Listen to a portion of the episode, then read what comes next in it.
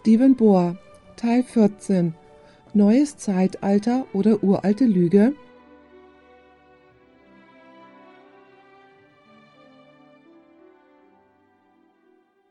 Lasst uns beten.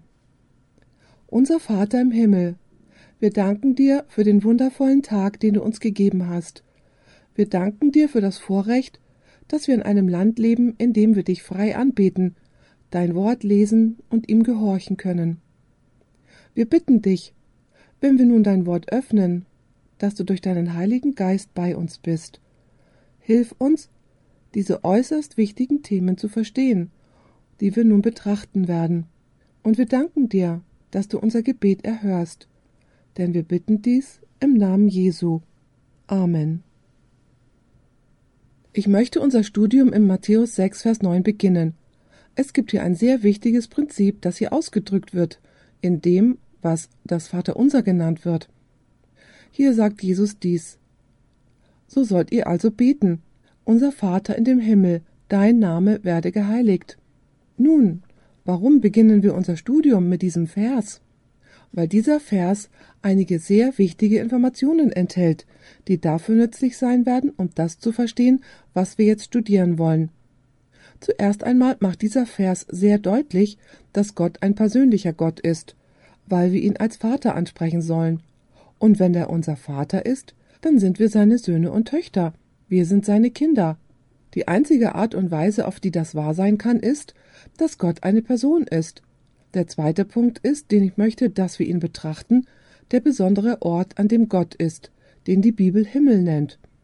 Nun werden wir in unserem Studium viele Dinge sehen, über die ihr bestimmt schon einmal nachgedacht und viele Male zuvor gehört habt.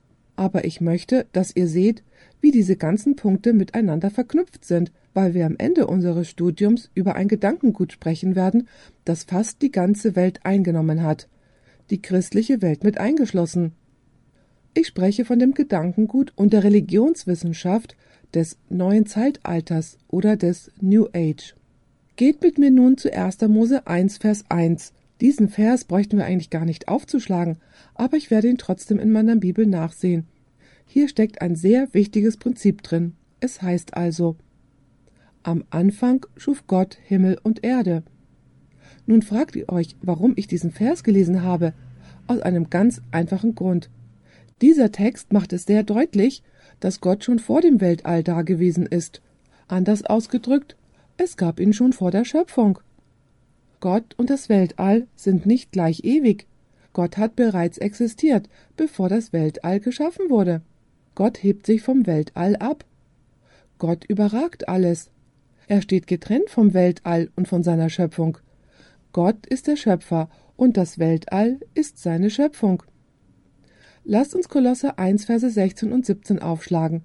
Hier ist die Rede von Jesus Christus und es formuliert ganz deutlich und klar einige sehr wichtige Prinzipien. Es heißt hier Denn durch ihn ist alles geschaffen, was im Himmel und auf Erden ist, das Sichtbare und das Unsichtbare, es seien Throne oder Herrschaften oder Fürstentümer oder Obrigkeiten, es ist alles durch ihn und zu ihm geschaffen, und er ist vor allem, und es besteht alles in ihm. Ist es euch von diesen Versen her deutlich geworden, dass Jesus Christus der Schöpfer war? Ist es auch deutlich, dass er vor seiner Schöpfung bereits existierte? Ist euch klar geworden, dass es einen Unterschied zwischen Jesus und seiner Schöpfung gibt?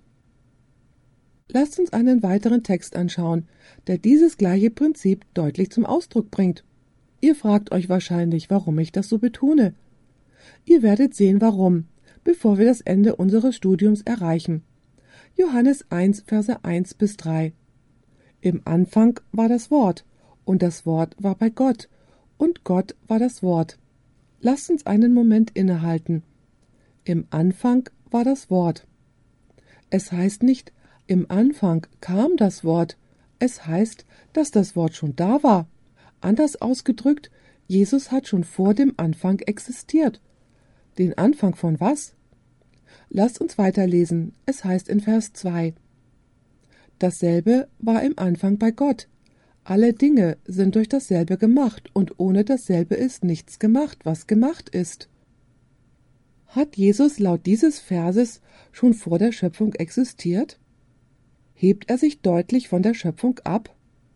Überragt er alles? Ja, er hebt sich von der Schöpfung ab und ist etwas anderes als die Schöpfung, und die Bibel nennt ihn unseren Vater.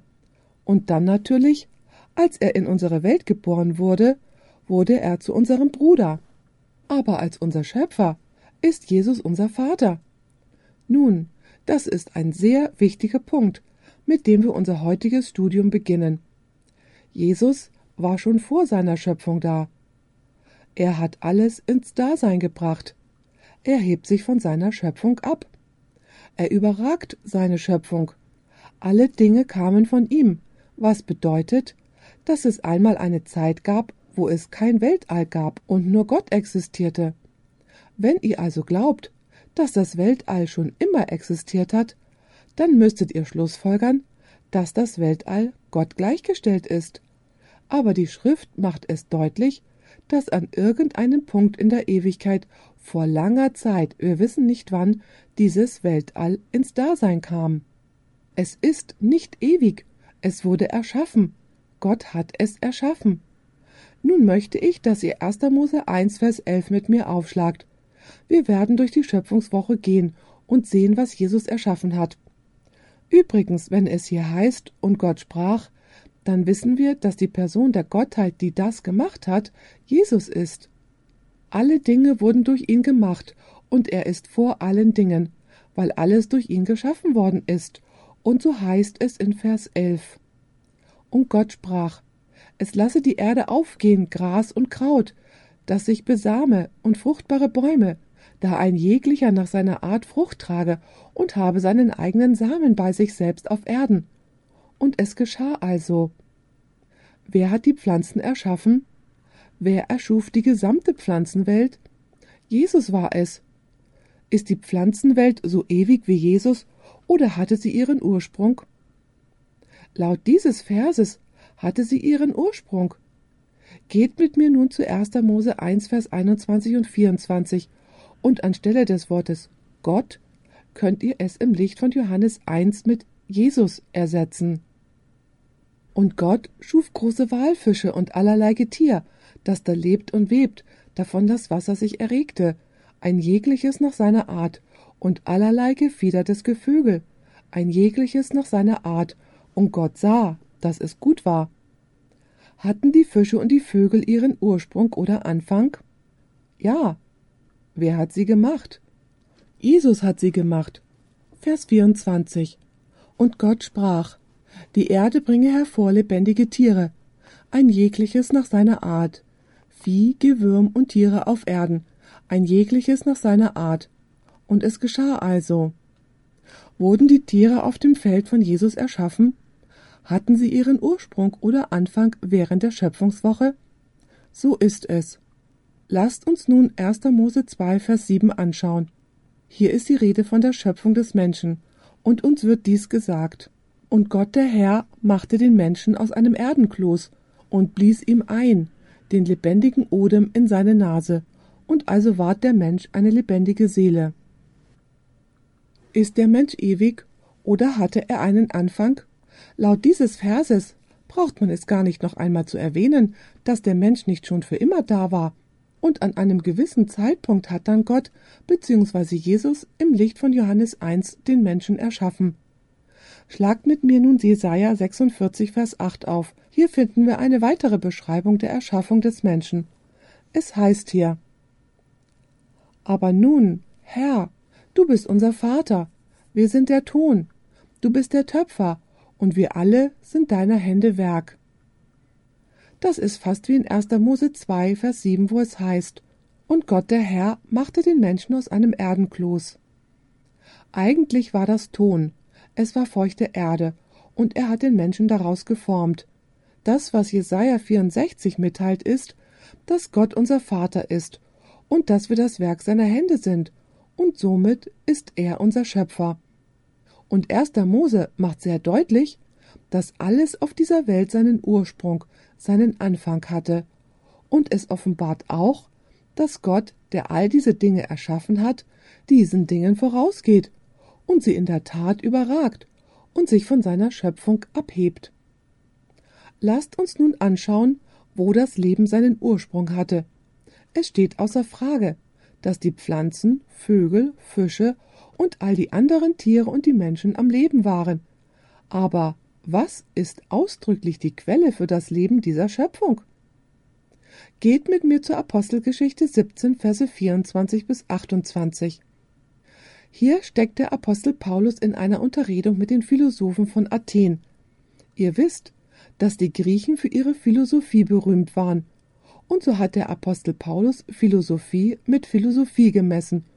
Und nun möchte ich, dass ihr seht, was er zu denjenigen gesagt hat, die dem unbekannten Gott gehuldigt haben.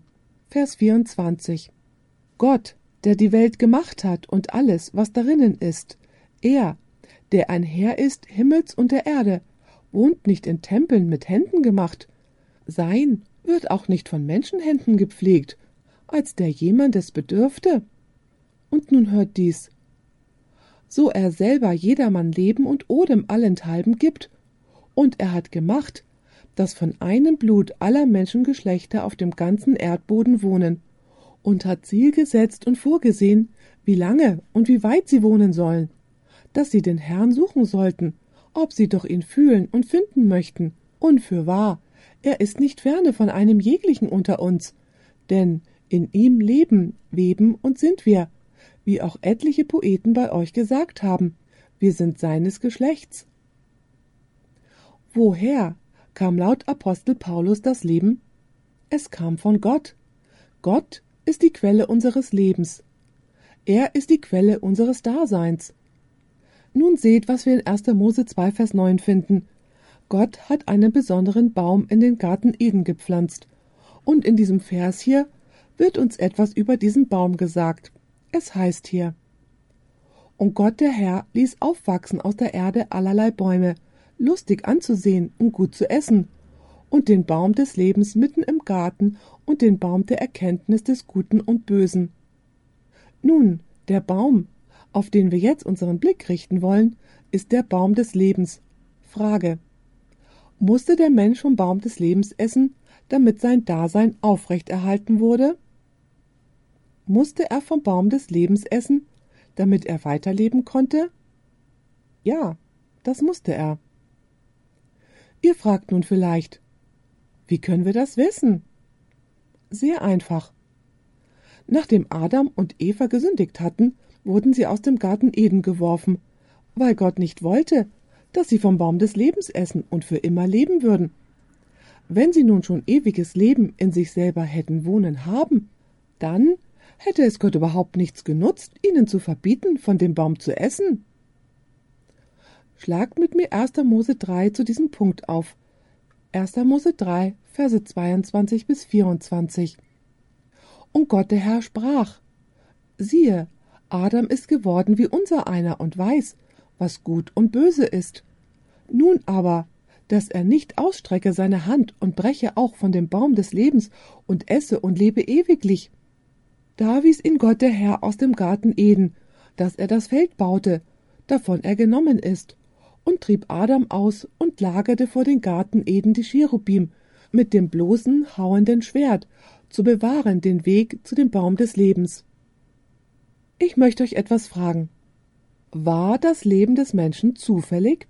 War der Mensch von einer Lebensquelle abhängig, die außerhalb von ihm lag?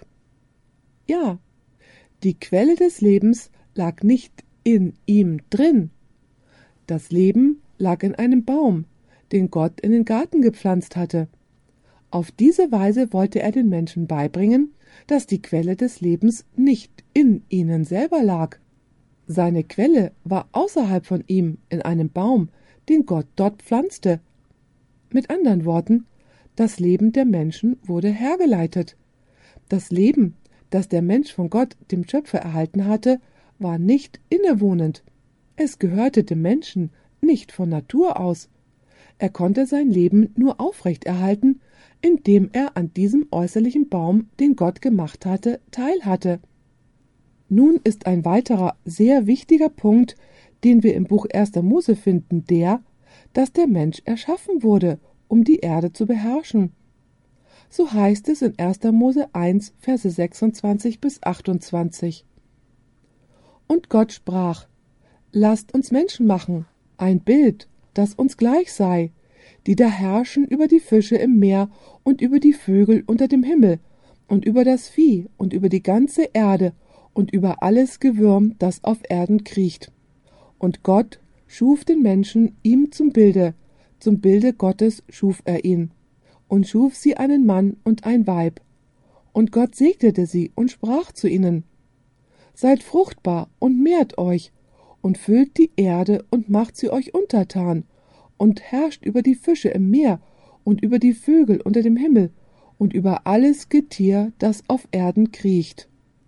Beachtet, dass Gott den Menschen erschaffen hat, um über die Schöpfung zu herrschen. Nun frage ich euch dann, stand der Mensch über der Schöpfung? Ganz zweifelsohne. War er der König der Schöpfung? So ist es. Denn ihm wurde gesagt, dass er über die Erde herrschen sollte. Aber natürlich stand Gott noch über den Menschen und hatte die Herrschaft über sie. Ich möchte aber, dass ihr bemerkt, dass der Mensch über die Natur gestellt wurde, um sie zu beherrschen, was also bedeutet, dass die Natur und der Mensch nicht gleichgestellt sind. Tiere und Menschen sind nicht das gleiche. Pflanzen und Menschen sind nicht das gleiche, genauso wenig wie Planeten und Menschen nicht das gleiche sind. Was ich damit sage ist, dass der Mensch erschaffen wurde, um die Herrschaft über die Natur zu haben. Er hebt sich jedoch von der Natur ab und steht getrennt von ihr da, weil er im Bilde Gottes erschaffen worden ist. Nun wollen wir uns auch 1. Mose 2, Vers 15 anschauen. Übrigens sollte dies eine liebevolle Herrschaft sein. Der Mensch sollte das Ökosystem oder den Naturhaushalt nicht schlecht behandeln. Anders ausgedrückt, er sollte sich liebevoll um die Schöpfung kümmern. Er sollte sich um die Luft kümmern, um die Flüsse und die ganze Erde, weil sie sein Zuhause sein sollte. Er sollte sich um die Schöpfung kümmern, nicht weil die Schöpfung Gott gewesen wäre, sondern weil die Schöpfung von Gott kam und sie ihm gehört. Nun heißt es hier in 1. Mose 2, Vers 15: Und Gott der Herr nahm den Menschen und setzte ihn in den Garten Eden, dass er ihn baute und bewahrte. Wozu hat Gott Adam in den Garten gestellt? Um quasi der Hausmeister zu sein, derjenige, der den Garten schön und in Ordnung hält. Mit anderen Worten, der Mensch stand über der Schöpfung, die Gott gemacht hatte. Er sollte sich um den Naturhaushalt kümmern. Versteht ihr, was ich sage? All das ist von äußerster Wichtigkeit, wie wir in unserem Studium noch sehen werden. Gott hat den Menschen gemacht. Er hat einen wundervollen Leib erschaffen, nicht wahr?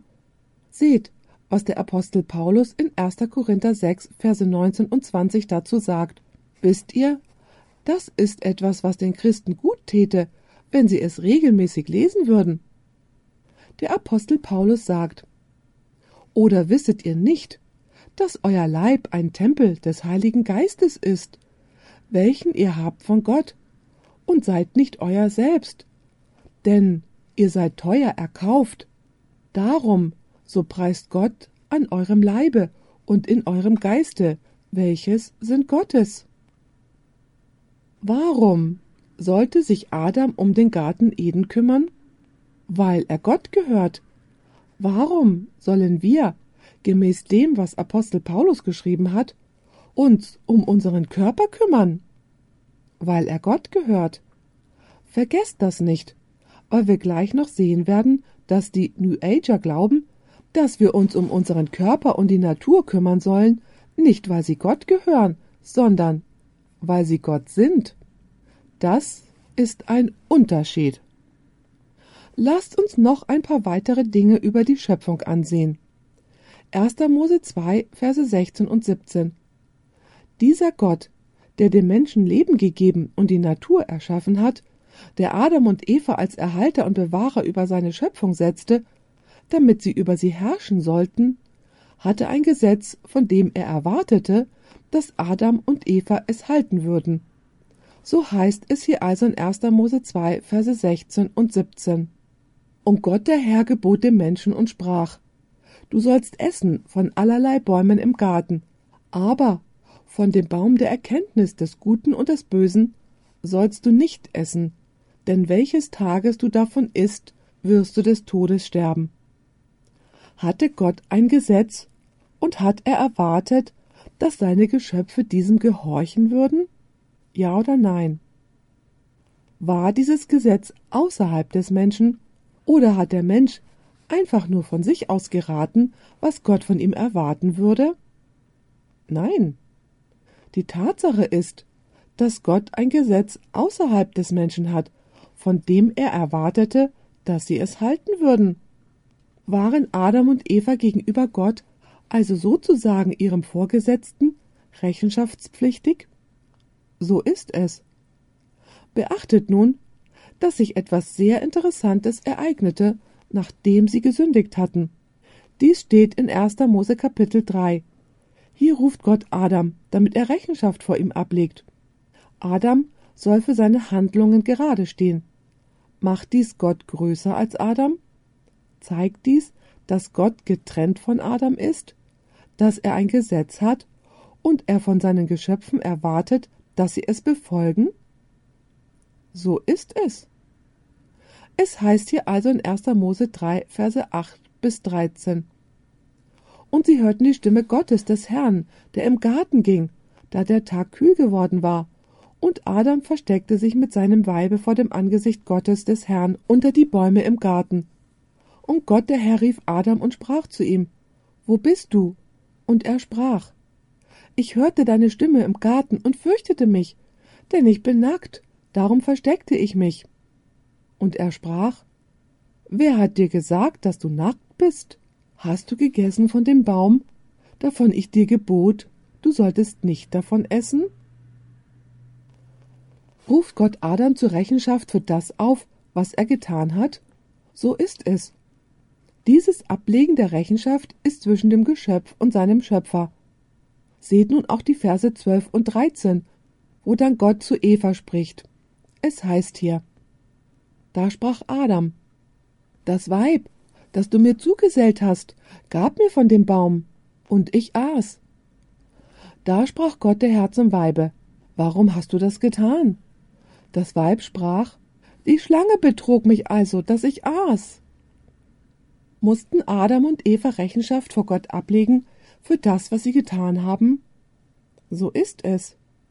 Mussten sie sich dafür verantworten, dass sie sein Gebot gebrochen haben?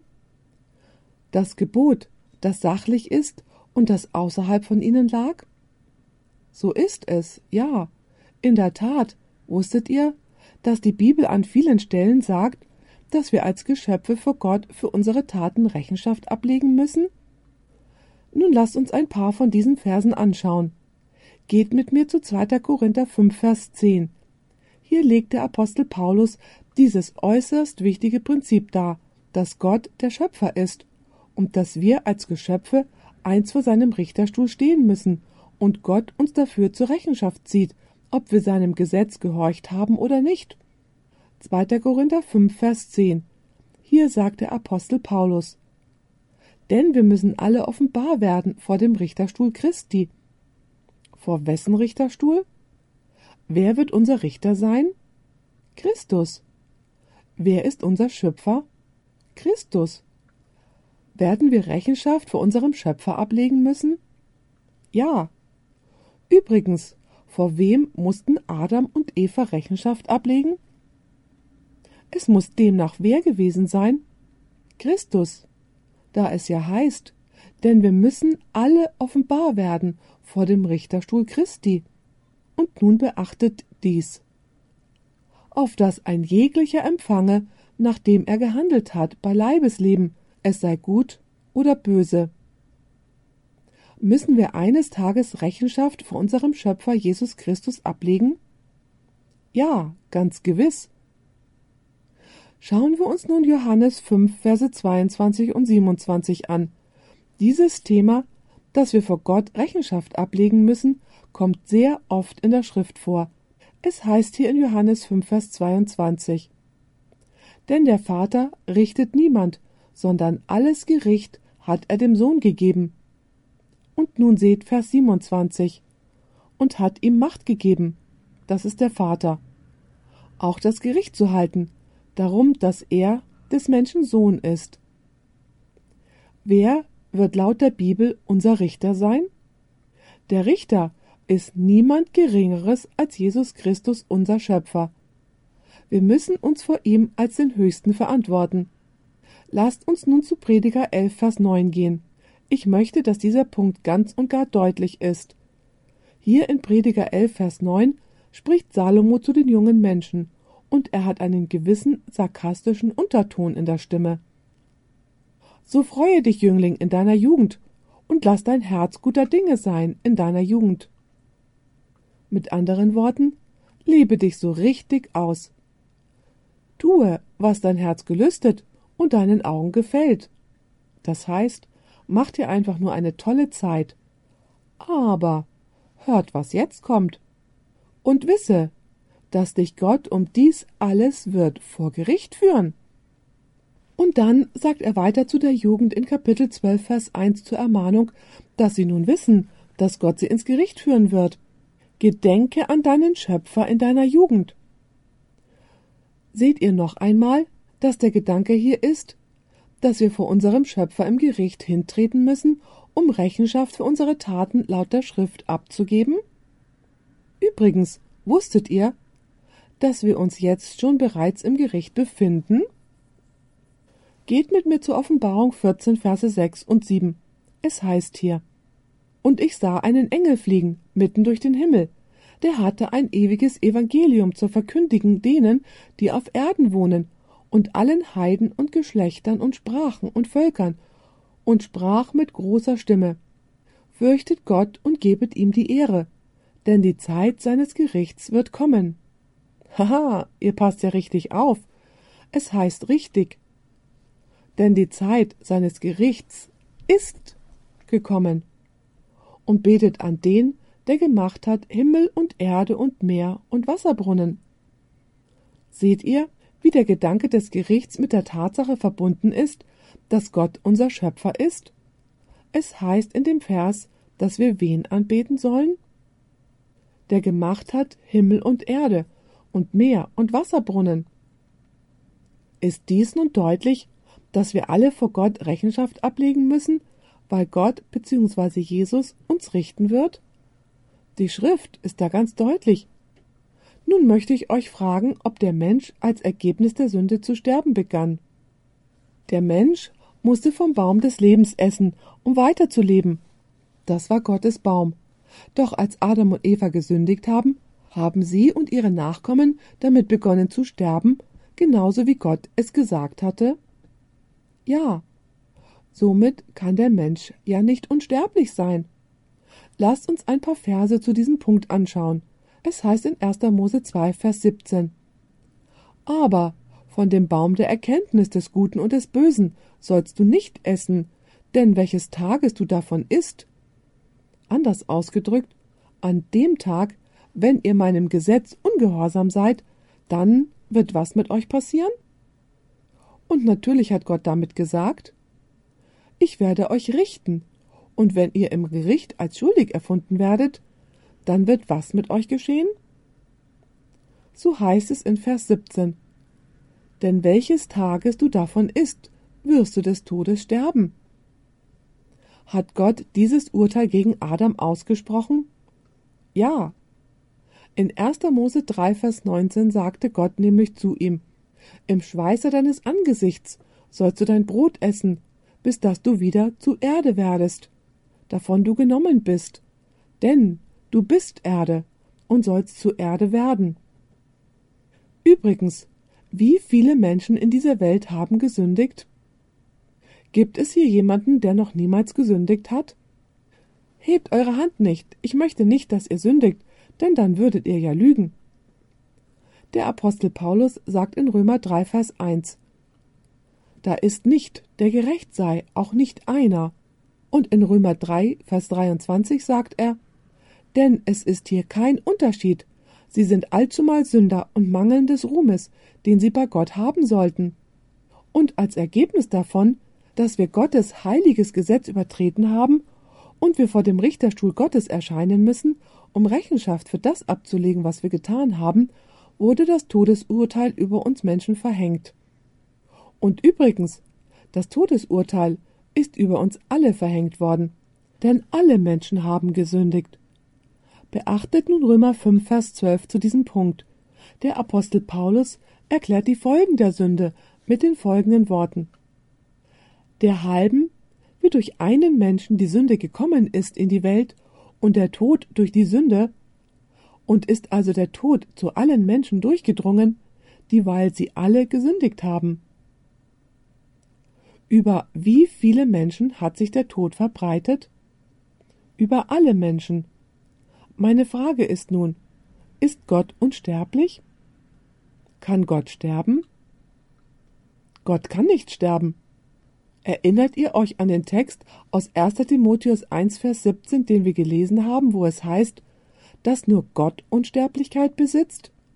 Aber Gott, dem ewigen König, dem Unvergänglichen und Unsichtbaren und allein Weisen, sei Ehre und Preis in Ewigkeit. Amen. Nun denkt ihr vielleicht, Pastor Bohr, das ist ein ganz schön düsteres Bild, was du hier malst. Nun, Ihr seid euch doch der Tatsache bewusst, dass Gott ein Gesetz hat, für das er jedes Geschöpf zur Rechenschaft ziehen wird, nicht wahr? Wir alle haben gesündigt, und so werden wir alle vor dem Richterstuhl Christi erscheinen, weil wir alle dem Untergang geweiht sind. Wir alle sind dazu verurteilt worden zu sterben, weil wir gesündigt haben. Pastor Bohr, sagst du dann damit, dass in dieser Welt niemals jemand vom Tod gerettet werden kann? Die Antwort ist sehr einfach. Der Schöpfer, nach dem, was die Bibel sagt, kam auf diese Erde, um die Schuld, die uns gehörte, zu bezahlen. Er kam auf diese Welt, um den Tod zu erleiden, den wir hätten erleiden müssen, damit wir das Leben haben könnten. Anders ausgedrückt, wegen der Sünde und dem Tod kam Jesus auf diese Welt, um unsere Schuld zu bezahlen, damit wir von der Macht des Todes erlöst werden könnten. Das war der einzige Ausweg. Es gab keinen anderen Notausgang. Übrigens habt ihr bemerkt, dass Gott zu Adam in 1. Mose 2, Vers 15 sagte, wenn du 930 Jahre alt bist, wirst du gewiss sterben? Nein, das sagte er nicht. So, was hat er dann in 1. Mose 2, Vers 17 gesagt?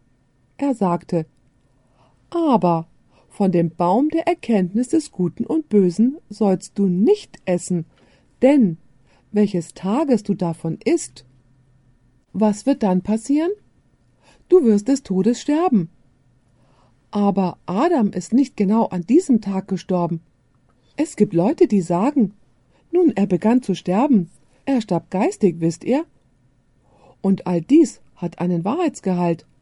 Aber was Gott gesagt hat, war, an dem Tag, an dem du von diesem Baum essen wirst, das ist genau der Tag, an dem du sterben wirst. Du wirst den zweiten Tod, die ewige Trennung von Gott sterben. Aber Adam ist nicht an diesem Tag gestorben. Jetzt stellt ihr vielleicht die Frage, warum nicht? Nun, ganz einfach. Wir haben das schon studiert.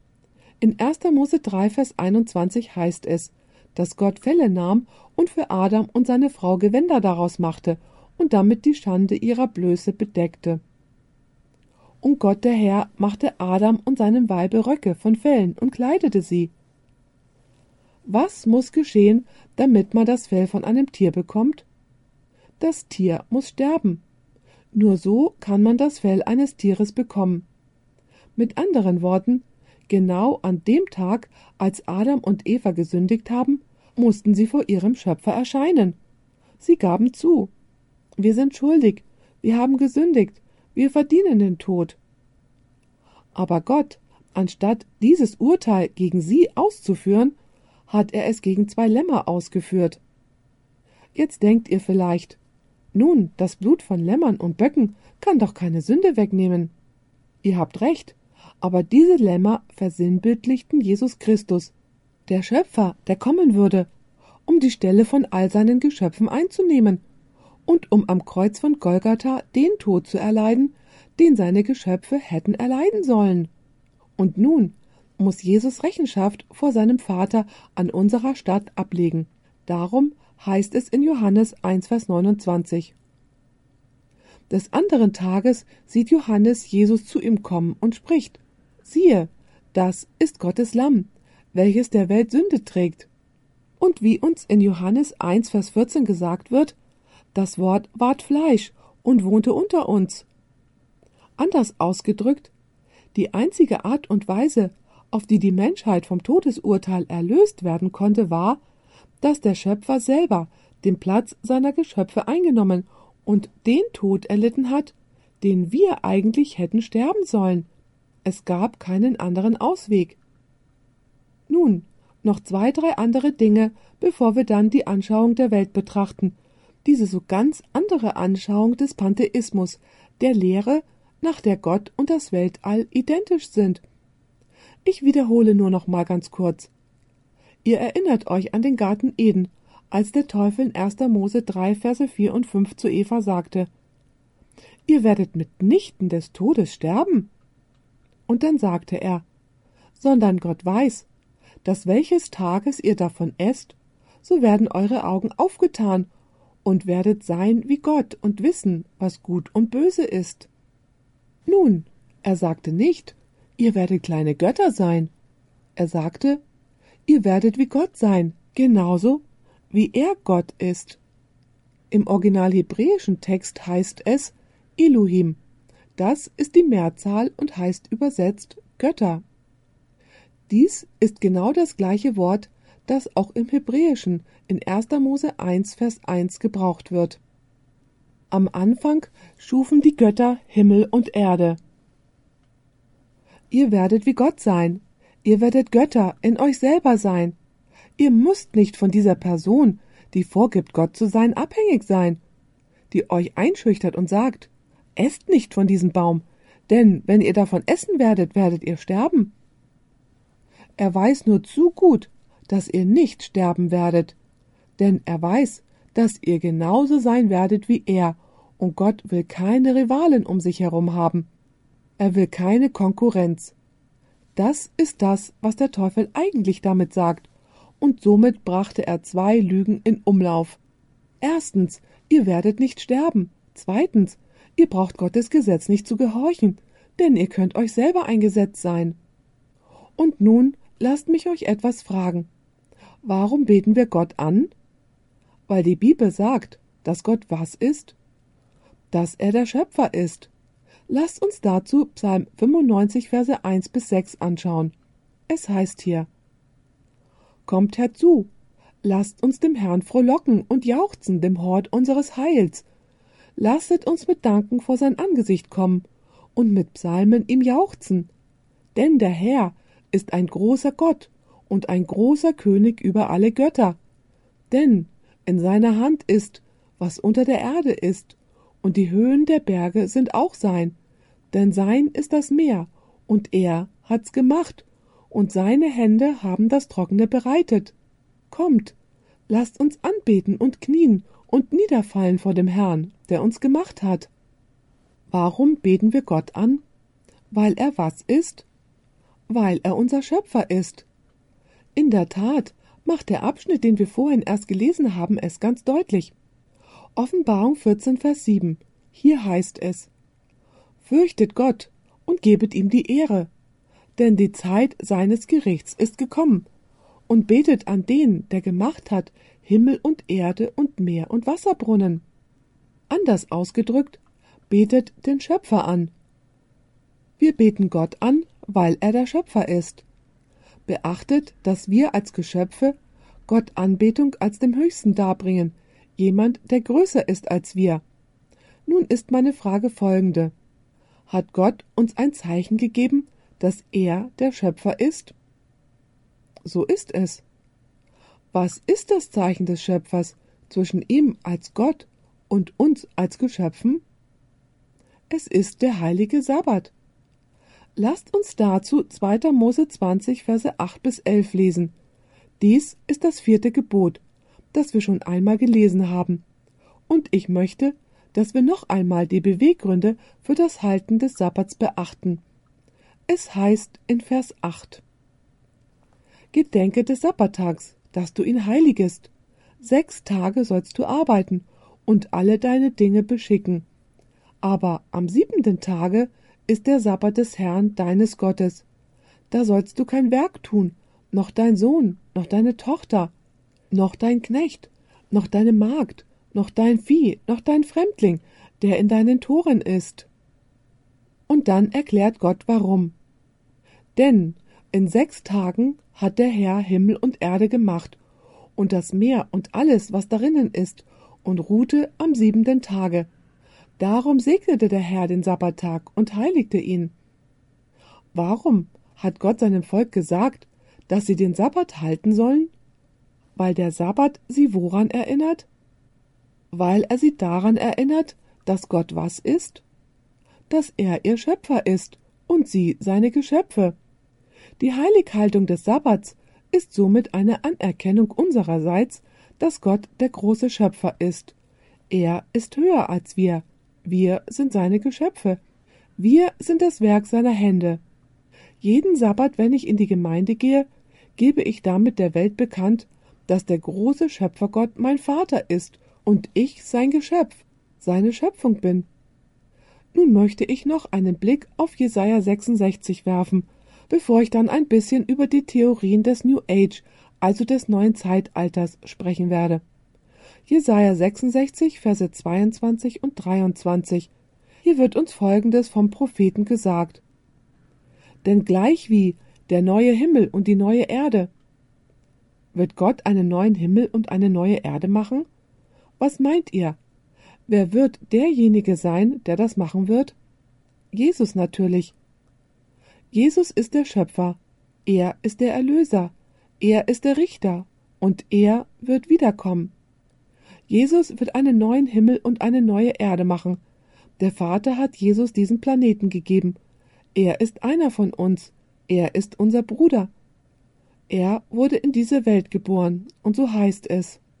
Denn gleichwie der neue Himmel und die neue Erde, die ich mache, vor mir stehen, spricht der Herr, also soll auch euer Same und Name stehen, und alles Fleisch wird einen Neumond nach dem anderen und einen Sabbat nach dem anderen kommen anzubeten vor mir, spricht der Herr. Was wird die Motivation für die Anbetung auf der neu gemachten Erde sein, die Jesus dann neu erschaffen hat? Am Anfang wurde der Sabbat im Gedenken an die Schöpfung gehalten. Nun halten wir den Sabbat aus diesem Grund und noch aus einem weiteren Grund, weil Jesus am Sabbat im Grab geruht hat und seine Nachfolger außerhalb des Grabes ebenso mit ihm. Und eines Tages, schon sehr bald, wenn Jesus einen neuen Himmel und eine neue Erde machen wird, wird sein Volk den Sabbat die ganze Ewigkeit hindurch heilig halten, um sich der Neuschöpfung zu erinnern. Und so ist der Sabbat ein dreifaches Zeichen der Unterscheidung zwischen Gott und seinen Geschöpfen. Er zeigt auf ihn hin als unseren Schöpfer und Erlöser und als unseren letztendlichen Wiederhersteller. Nun lasst uns noch ein bisschen über die Weltanschauung des neuen Zeitalters oder des New Age sprechen, das fast die ganze Welt übereilt hat, sogar viele in der christlichen Welt. Dieses Thema ist sehr, sehr wichtig. Für die Philosophen ist Gott unpersönlich und er spielt keine Rolle für sie. Er ist für sie nur eine kosmische Kraft der Energie, die das ganze Weltall durchdringt. In der Weltanschauung des New Age ist Gott keine Person, die an einem Ort lebt, der Himmel genannt wird. Er ist kein liebender Vater, der sich um seine Geschöpfe kümmert. Seht, in der Weltanschauung des New Age, die wissenschaftlich Pantheismus genannt wird, ist die Lehre, dass Gott und das Weltall identisch sind und Gott alles ist und alles ist Gott. Die Vorstellung ist die, dass das Weltall Gott ist. Gott ist nicht vom Weltall zu unterscheiden, weil Gott das Weltall ist und das Weltall ist Gott. Mit anderen Worten, Gott ist unmittelbar in der Natur. Und da der Mensch Teil der Natur ist und die Natur ist Gott, was ist dann der Mensch im Endeffekt? Er ist Gott. Es gibt keinen Unterschied zwischen dem Schöpfer und der Schöpfung und den Geschöpfen. Ihr seht, in der Weltanschauung des New Age oder des Pantheismus hebt sich Gott nicht ab. Er ist weder verschiedenartig, unabhängig, noch steht er über seiner Schöpfung. Gott ist die Schöpfung. Und laut der Weltanschauung des New Age hat das Weltall sich ewig durch den Vorgang der Evolution selbst erschaffen. Es gibt keinen Platz für einen Schöpfergott, der liebt, der sich von seinen Geschöpfen unterscheidet und über allem aus seiner Schöpfung steht, weil die Schöpfung ja Gott selber ist. Nun muss das ja bedeuten, wenn das Weltall Gott ist und der Mensch ist ein Teil des Weltalls, dass der Mensch Gott ist, denn Gott ist unsterblich. Was muss also der Mensch in sich selber haben? Er muss innewohnendes Leben haben, er muss unsterblich sein. Denn wenn das Weltall Gott ist und Gott unsterblich ist und der Mensch ein Teil des Weltalls ist, dann ist der Mensch unsterblich, genauso wie er Gott ist. Woher kommen diese Gedanken? Sie kommen direkt aus dem Garten Eden. Nun möchte ich ein Zitat von R. M. Book vorlesen. Er ist ein New Ager. Sein Buch heißt Cosmic Consciousness, kosmisches Bewusstsein, und dort auf Seite 14 sagt er, dieses Bewusstsein, damit meint er das des Weltalls, dieses Bewusstsein zeigt, dass der Kosmos nicht aus toter Materie besteht, die durch ein unbewusstes, steifes und unbeabsichtigtes Gesetz regiert wird. Es zeigt ganz im Gegenteil, dass es ganz und gar unerheblich ist. Anders ausgedrückt, das Weltall ist gänzlich unbedeutend. Es ist ganz und gar geistig und ebenso lebendig. Es zeigt, dass der Tod ein Unding ist und dass jeder ewiges Leben hat. Es zeigt, dass das Weltall Gott ist und Gott ist das Weltall und dass nichts Böses jemals dort hineingekommen ist, noch jemals wird. Nun, das hat ernste Auswirkungen, denn wenn das Weltall, wenn also die Schöpfung Gott ist, was ja die New Ager glauben, und sie hängen sich da sehr rein, um sich um die Ökologie zu kümmern, das ist ein Teilbereich der Biologie, der sich mit den Wechselwirkungen zwischen belebter und unbelebter Natur beschäftigt. Kümmern Sie sich also um das Tierreich, die Luft, die Flüsse und so weiter, dann ist es aber aus dem falschen Beweggrund. Wisst ihr, wir glauben, dass wir auf die Schöpfung achten sollen, weil sie von Gott gemacht worden ist. Die New Ager sagen, dass man auf die Natur acht haben soll, weil sie Gott ist. Christen sollten bessere Ökologen sein als New Ager, aber aus einem anderen Grund. Nicht, weil die Natur Gott ist, sondern weil sie Gott gehört. Nun möchte ich euch was fragen. Wenn ich Gott wäre, wessen Gesetz müsste ich dann befolgen? Wessen? Mein eigenes. Nun, was soll's? Was macht dein Gesetz größer als meins, wenn wir beide Gott in diesem Programm sind? Könnt ihr mir folgen oder nicht? So sprechen New Ager über Wertebestimmungen. Sie sagen, dass jeder Werte in sich selber hat. Alles, was sie tun müssen, ist, diese Werte zu entdecken, anhand derer sie leben müssen. Daher sagen sie, dass es egal ist, wenn der eine einen homosexuellen Lebensstil führen will und der andere einen heterosexuellen. Wenn wir beide Gott sind, wie bitte kommst du darauf, dass dein Lebensstil besser ist als der des anderen. Mit anderen Worten, der Mensch wird autonom. Wisst ihr, was das Wort autonom bedeutet? Es kommt von zwei griechischen Wörtern, altos, was selbst bedeutet, und nomos, was Gesetz bedeutet. Das heißt also, dass man sich selbst das Gesetz ist. Aber wenn man Gott ist, gemäß dieser Vorstellung, Wessen Gesetz bist du dein Gegenüber verantwortlich? Musst du Rechenschaft vor Gottes Gesetz ablegen? Nein. Vor wem dann? Nur vor dir selber. Ich möchte nun gerne ein Zitat aus dem Buch Ein Crashkurs über das New Age von Elliot Miller, Seite 119 vorlesen. Übrigens, das ist ein sehr gutes Buch. Der Autor sagt darin, für die, das sind die New Ager, ist das eigene Ich im Endeffekt nicht von Gott zu unterscheiden. Daher gibt es keine äußerliche Kraft für das Ich, dessen Gesetze man gehorchen muss. Jede Person erschafft seine oder ihre Realität, gut oder schlecht, auf die Art und Weise, wie er das Gesetz seines eigenen Ichs behandelt. Wenn er es lernen kann, sich die Quellen seines höheren Ichs zunutze zu machen, sind seine Möglichkeiten ohne Grenzen. Was geschieht also mit dem Gesetz in der New Age Theologie? Man wird sein eigenes Gesetz. Was passiert mit dem persönlichen liebenden Schöpfer? Es gibt ihn nicht. Denn man ist selber was? Man ist selber Gott. Was ist mit dem Ort, wo Gott im Himmel lebt? So was gibt es nicht, denn Gott ist überall. Er ist in allem und in jedem, ob er nun gut sei oder böse. Daher gibt es in der New Age Theologie sowas wie Sünde überhaupt nicht. Und wenn es keine Sünde gibt, dann muss es etwas anderes auch nicht geben, und das wäre was? Irgendein Gesetz. Und was gäbe es noch nicht? Den Tod. Denn wenn du Gott bist und Gott unsterblich ist, dann bist du was? Dann bist du unsterblich.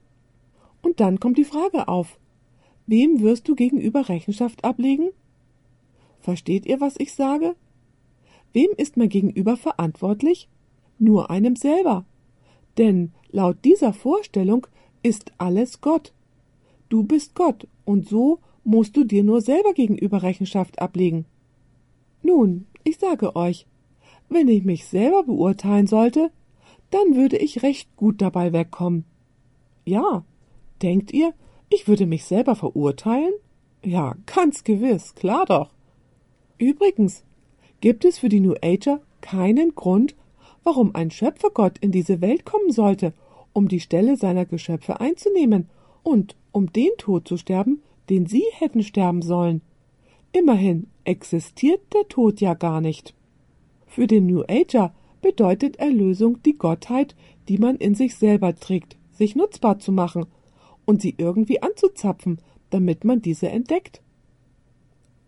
Und sie sagen, wann auch immer die Menschheit einen göttlichen Funken der Gottheit in sich selber entdeckt, dann wird sich die Gesellschaft selber erneuern. Die Welt wird vollkommen werden, die Welt wird wunderschön werden, und dann werden wir ins sogenannte Zeitalter des Wassermanns eingehen. Seht ihr den Unterschied zwischen diesen beiden Weltanschauungen? So befinden sich Christen, die sagen, ich bin unsterblich. Christen brauchen das Gesetz nicht zu halten. Jesus hat es an meiner Stelle getan, auf sehr gefährlichem Boden. Sie sind vielleicht keine New Ager, aber das Endergebnis ist im Grunde genommen das gleiche. Übrigens wusstet ihr, dass New Ager sagen, dass man sich selber heilen kann? Wisst ihr, sie sind sehr für die sogenannte ganzheitliche Medizin, weil sie glauben, dass wenn man Gott ist und man sich seine Energie zunutze macht, man seinen eigenen Körper heilen kann. Ich denke, dann braucht niemand mehr um Heilung zu Gott zu beten für dieses System braucht man kein Gebet. Es besteht auch kein Verlangen nach dem zweiten Kommen Jesu. Ich meine, wenn sich die Gesellschaft selber erneuert und jeder letztendlich die Gottheit in sich selber entdeckt, dann wird die Gesellschaft vollkommen werden, ohne dass Jesus in diese Welt kommt, um diejenigen zu vernichten, die seinem Gesetz ungehorsam sind, und sie werden ohne ihn eine vollkommene Gesellschaft gründen. In der Tat, gibt es in der New Age Theologie keinen Grund für den Sabbat. Wie kann man einen Tag haben, der heiliger als die anderen ist, wenn alles im Weltall Gott ist? Alles ist gleich heilig. Es gibt keinen Unterschied zwischen dem Heiligen und dem Gewöhnlichen. Wenn also jemand sündigt, dann ist es Gott, der sündigt. Ihr könnt mir gerade nicht folgen, oder? Ihr seid so ruhig. So, wenn es keine Sünde gibt, gibt es keinen Tod. Du bist Gott. Es gibt kein Gebet, keine Erlösung, kein zweites Kommen und kein Gesetz, dem man gegenüber verantwortlich ist. Diese Theorien ziehen dem christlichen Glauben den Boden unter den Füßen weg. Ich möchte euch noch ein Zitat vorlesen, bevor wir nun zum Ende kommen. Dies ist aus dem Buch Erziehung Seite 221. Die Autorin trifft damit voll ins Schwarze. Der Spiritismus behauptet, dass die Menschen ungefallene Halbgötter seien, dass ein jeder Geist sich selbst richten wird, dass wahre Erkenntnis den Menschen über alle Gesetze stellt. Alle begangenen Sünden sind harmlos, denn was es auch immer gibt, ist gut und Gott verdammt nicht. Die gemeinsten Leute werden als im Himmel befindlich dargestellt, wo sie hohe Ehren genießen. Damit erklärt diese Bewegung allen Menschen, es ist gleich, was du tust, lebe, wie es dir gefällt, der Himmel ist deine Heimat. Unzählige sind dadurch zu dem Glauben verleitet worden, die Begierde sei das oberste Gesetz, Zügellosigkeit bedeute Freiheit und der Mensch sei nur sich selbst verantwortlich. Dies drückt genau das aus, was Luzifer im Himmel gesagt hat. Ich will wie der Allerhöchste sein. Ihr werdet wie Gott sein. Ihr werdet gewiss nicht sterben. Und natürlich löscht es den Sabbat ganz und gar aus. Meine Lieben, Gott hat uns den Sabbat als ein Zeichen gegeben, um uns vor diesen Theorien zu beschützen, weil er eines der Zeichen ist, das ganz deutlich den Schöpfer von seinen Geschöpfen unterscheidet. Und jedes Mal, wenn wir den Sabbat halten, dann teilen wir der Welt mit, dass wir Geschöpfe und Nachfolger unseres großen Schöpfergottes sind. Diese Aufnahme wurde von Audioverse präsentiert, eine Internetseite, die sich der Verbreitung des Wortes Gottes unter anderem durch kostenlose Predigtaufnahmen widmet. Für mehr Informationen über Audioverse und für weitere Predigten empfehlen wir unsere Internetseite www.audioverse.org.